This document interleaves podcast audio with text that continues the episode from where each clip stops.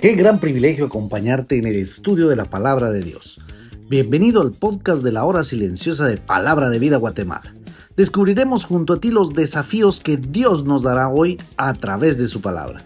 Deseamos que hayas tomado un tiempo para leer con anticipación el pasaje del día de hoy.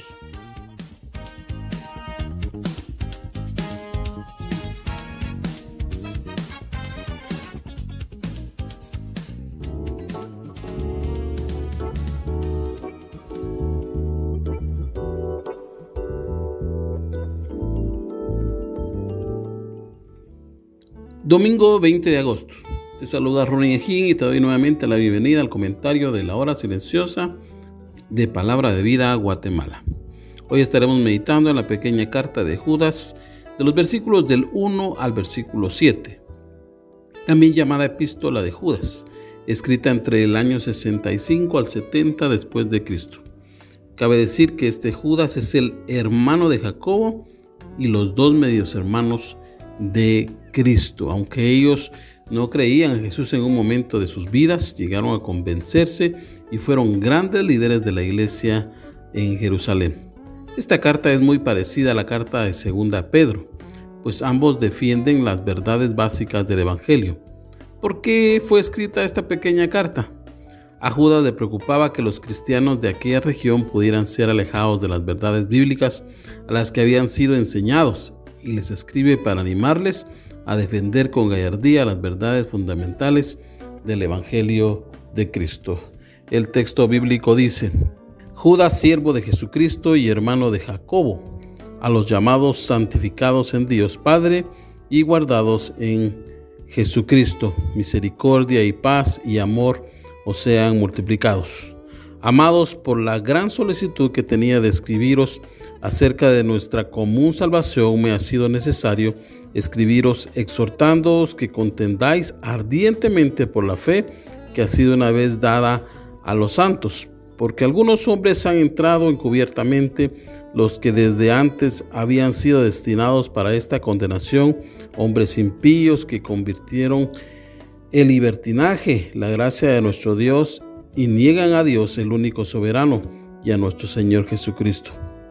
Mas quiero recordaros, ya que una vez lo habéis sabido, que el Señor, habiendo salvado al pueblo, sacándolo de Egipto, después destruyó a los que no creyeron, y a los ángeles que no guardaron su dignidad, sino que abandonaron su propia morada, los ha guardado bajo oscuridad en prisiones eternas, para el juicio del gran día, como Sodoma y Gomorra y las ciudades vecinas, las cuales de la misma manera que aquellos habiendo fornicado e ido en pos de vicios contra la naturaleza, fueron puestas por ejemplo, sufriendo el castigo del fuego eterno.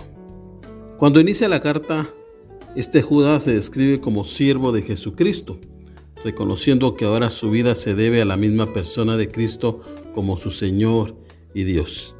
Él pudo entender que Cristo se había hecho hombre y murió en la cruz del Calvario para salvar a los pecadores entre los cuales se contaba él. Se refiere también a sus escritores como los que fueron llamados escogidos para vida eterna, con propósitos en sus vidas, llamados con un llamamiento santo. Segunda de Timoteo 1.9 dice que Cristo nos salvó y llamó con llamamiento santo, como a estos hermanos a los que escribe Judas. Pero no solo los llamó, sino que los santificó, los apartó para su obra, su ministerio. Pero no solo esto, sino los guardó en Jesucristo. De manera que Judas expresa todo lo que estos hermanos son en Cristo, llamados, santificados, guardados. Pero esto no solo lo disfrutaban estos hermanos. Hoy día nosotros como creyentes también podemos disfrutarlo y qué maravilloso saber que en la persona de Cristo estamos completos. En su saludo Judas desea que la misericordia de Dios, la paz, que Él ofrece y su amor sean multiplicados en las vidas de ellos. Solo en la introducción podemos ver mucho del corazón de este gran pastor, reconociendo quién es Jesús y lo que ha hecho en favor de su pueblo. Esto nos lleva a la urgencia que tiene a sus lectores de guiarles, cuidarles, prepararles para que estén eh, eh, en este asunto ante el grupo de hombres que no eran creyentes, pero se habían introducido dentro de la iglesia. El verso 3 nos deja ver lo importante que era para Judas este tema y la urgencia que tenía en escribirles del tema. Judas sabe que ellos comparten juntamente con él una salvación muy grande y él quiere exhortar a los hermanos a que puedan, como dice 1 de Pedro 3:15, estar preparados para presentar defensa con mansedumbre y reverencia ante todo el que demande razón de la esperanza que hay, como dice ahí en la carta, en vosotros. Es muy interesante que Judas en su exhortación diga que esto se tiene que hacer ardientemente, y es que su argumento está basado en la grandeza de la verdad anunciada en Cristo. Para él, el Evangelio de Cristo significa vida eterna. No es un movimiento de valores buenos, no, es la salvación del ser humano. Dios vio la necesidad del hombre y proveyó la solución a este a través de Jesucristo. Judas explica que algunos hombres se han entrado a la iglesia del Señor encubiertamente, es decir, se han disfrazado con apariencia de piedad, parecen muy santos, muy cristianos, pero son hombres impíos que convierten, dice el texto, la libertad, la gracia de Dios en libertinaje y con su niegan a Dios y a la persona de Jesucristo. El versículo 12 dice que estos son manchas en vuestros ágapes. La nueva versión de la Biblia en el lenguaje actual dice, es una vergüenza que estas personas vayan a sus fiestas de amor. ¿Qué era la fiesta de amor? Bueno, así llamaban a las reuniones en las que toda la iglesia celebraba la cena del Señor y compartían los alimentos. Dice, pues comen y beben sin ningún respeto. Son líderes que solo se preocupan de ellos mismos. Son como nubes sin agua que el viento lleva de un lado a otro se parecen a los árboles que no dan fruto, pues han sido arrancados de raíz y están totalmente muertos. Es increíble, pero esto no es algo que se dio solamente ahí y sucedió solo en ese tiempo. No. Hoy día tenemos infinidad de hombres y mujeres infiltrados en nuestras congregaciones que aún a sabiendas que no son cristianos auténticos, muchos líderes les dejan participar porque son buenas gentes, porque hablan bonito, porque aportan mucho dinero, porque son profesionales y un sinfín de cosas más. Pero mi querido hermano, estos están destruyendo la obra de Dios y nosotros nos damos cuenta, pero no somos capaces de confrontarlos con el pecado.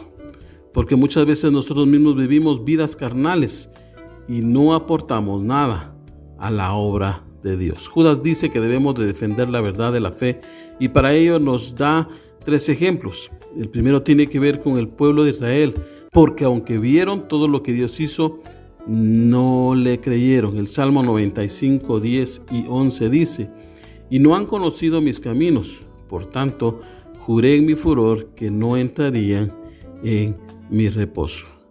Así tenemos hoy día mucha gente que sabe de Dios, pero que no le conocen como su Salvador, solamente son religiosos.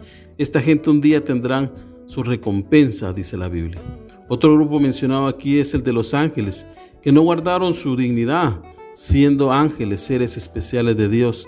Y este pasaje, aunque es bastante oscuro, creo que se refiere a la posición que estos seres creados por Dios tenían. Algunos en su momento se rebelaron contra Dios, como lo dice Isaías 14, 12 al 14. Si Dios no tuvo misericordia de los ángeles caídos, ¿cómo la tendrá en este caso de los hombres pecadores? Y es que estos hombres que menciona Judas eran hombres que ponían una cara de piedad, pero actuaban como dice 2 de Pedro 2.14. Tienen los ojos llenos de adulterio, no se sacian de pecar, seducen a las almas inconstantes, tienen el corazón habituado a la codicia y son hijos de maldición. Así son ¿Cuánta gente perversa visita nuestras congregaciones con pensamientos malos y fuera de lugar? Y este último eh, tiene que ver con la comparación que nos dan estos siete versículos. Judas los compara con el actuar de los hombres de Sodoma y Gomorra, gente depravada que tuvo que ser castigada por su pecado. Fue tan degenerado su actuar que tuvieron que ser exterminados con el mismo fuego. Así están condenados estos falsos cristianos, pero con el fuego eterno. Por eso vívelo. No te confundas, no juegues a ser cristiano. Debes de estar seguro que Cristo es tu Salvador. Debes de estar preparado con la palabra de Dios para enfrentar a los falsos maestros.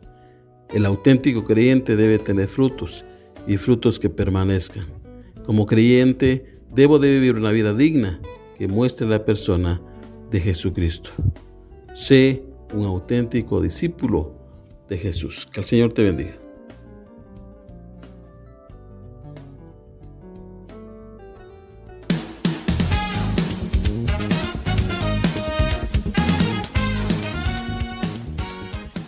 Es emocionante saber los tesoros que Dios tiene en su palabra para nosotros. Ayuda a tus amigos a que descubran la voluntad de Dios para su vida. Comparte este podcast con ellos. No olvides seguirnos en nuestras redes sociales.